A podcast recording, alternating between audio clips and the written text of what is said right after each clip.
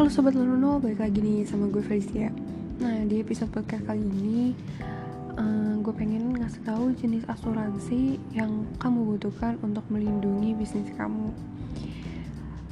Um, Keberhasilan bisnis yang nyata membutuhkan kombinasi yang sulit dari mengambil resiko di beberapa bidang Dan mengurangi atau menghilangkan resiko lainnya Seorang pemimpin bisnis tidak dapat menghilangkan semua resiko, tetapi asuransi dapat memberikan perlindungan jika bisnis kamu mulai runtuh. Meskipun demikian, asuransi adalah area di mana pemilik sering mencoba berhemat pada jenis asuransi yang mereka bayarkan atau jumlah pertanggungan yang mereka pilih. Nah, bagaimana sih kamu bisa memastikan perusahaan kamu memiliki perlindungan asuransi yang dibutuhkan untuk pertahanan dari bencana alam yang signifikan, kecelakaan kerja atau pelangganan pelangganan atau kegagalan produk? Kamu harus pastikan perusahaan kamu memiliki kombinasi yang tepat dari lima jenis asuransi bisnis yang paling penting nih. Yang pertama ada asuransi kewajiban profesional apa sih maksudnya? Nah, kadang-kadang disebut sebagai asuransi kesalahan dan kelalaian. Asuransi kewajiban profesional ini adalah suatu keharusan bagi pemilik bisnis yang bekerja secara langsung dengan pelanggan yang menawarkan layanan atau nasihat. Tanggung jawab profesional melindungi bisnis kamu dari klaim kelalaian, kegagalan, melakukan atau memberikan layanan secara tidak benar.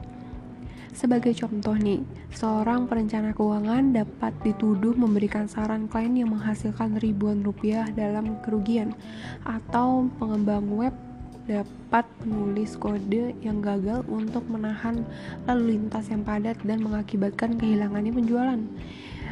Nah, bagaimana ini dapat membantu kamu Nah, karena asuransi kewajiban profesional ini akan membantu menutupi biaya kerusakan yang terkait dengan dugaan kerugian karena kelalaian atau kesalahan kamu.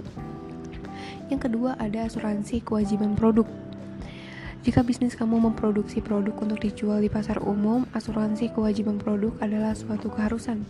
Bahkan bisnis yang mengambil setiap langkah yang mungkin tidak memastikan produknya aman dapat menemukan dirinya disebutkan dalam gugatan karena kerusakan yang disebabkan oleh salah satu produknya. Asuransi pertanggungjawaban produk berfungsi untuk melindungi bisnis kamu dalam kasus seperti ini dengan cakupan yang tersedia dirancang khusus untuk jenis produk tertentu. Nah, poin yang ketiga ada asuransi properti. Asuransi properti menanggung berbagai jenis kerusakan yang terjadi pada bisnis, termasuk peristiwa cuaca tertentu. Namun, seperti banjir, gempa bumi, dan bencana alam lainnya umumnya tidak termasuk. Tidak hanya mencakup bisnis itu sendiri, tetapi juga mencakup berbagai bentuk properti di dalam gedung. Misalnya seperti meja dan kursi rusak akan digantikan dengan yang baru. Yang keempat ada asuransi kompensasi pekerja apa sih maksudnya asuransi kompensasi pekerja ini memberi karyawan pengganti penghasilan yang cedera dan membayar biaya medis jika mereka terluka saat bekerja sebagai imbalan atas imbalan ini, karyawan melepaskan hak untuk menuntut majikannya atas cedera terkait pekerjaan mereka, terlepas dari siapa yang bersalah. Bagaimana ini dapat membantu kamu? Asuransi kompensasi pekerja melindungi pekerja kamu dengan memastikan bahwa mereka menerima perawatan medis yang sesuai dan diberikan kompensasi untuk cedera di, di tempat kerja. Ini juga memberikan perlindungan hukum bagi pemilik bisnis, termasuk perlindungan dari turunan hukum cedera karyawan. Nah, poin yang terakhir ada asuransi gangguan bisnis. Jika bencana atau peristiwa bencana benar-benar terjadi, operasi bisnis kemungkinan besar akan terganggu.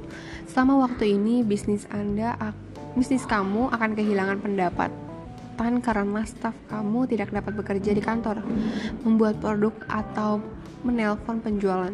Jenis asuransi ini terutama berlaku untuk perusahaan yang memerlukan lokasi fisik untuk untuk melakukan bisnis seperti toko retail Asuransi gangguan bisnis memberikan kompensasi kepada bisnis atas pendapatnya yang hilang selama peristiwa ini. Dengan memiliki asuransi yang tepat, semua bisnis dapat menghindari kerugian finansial besar karena gugatan atau peristiwa bencana. Nah, itu dia rekomen 5 jenis asuransi yang kamu butuhkan untuk bisnis kamu, untuk melindungi bisnis kamu gitu. Biar bisnis kamu tetap kokoh berdiri dan sukses. Nah, mungkin podcast kali ini cukup ya. Uh, ya gue Felicia undur diri. Sampai jumpa di next episode podcast lainnya. Bye bye.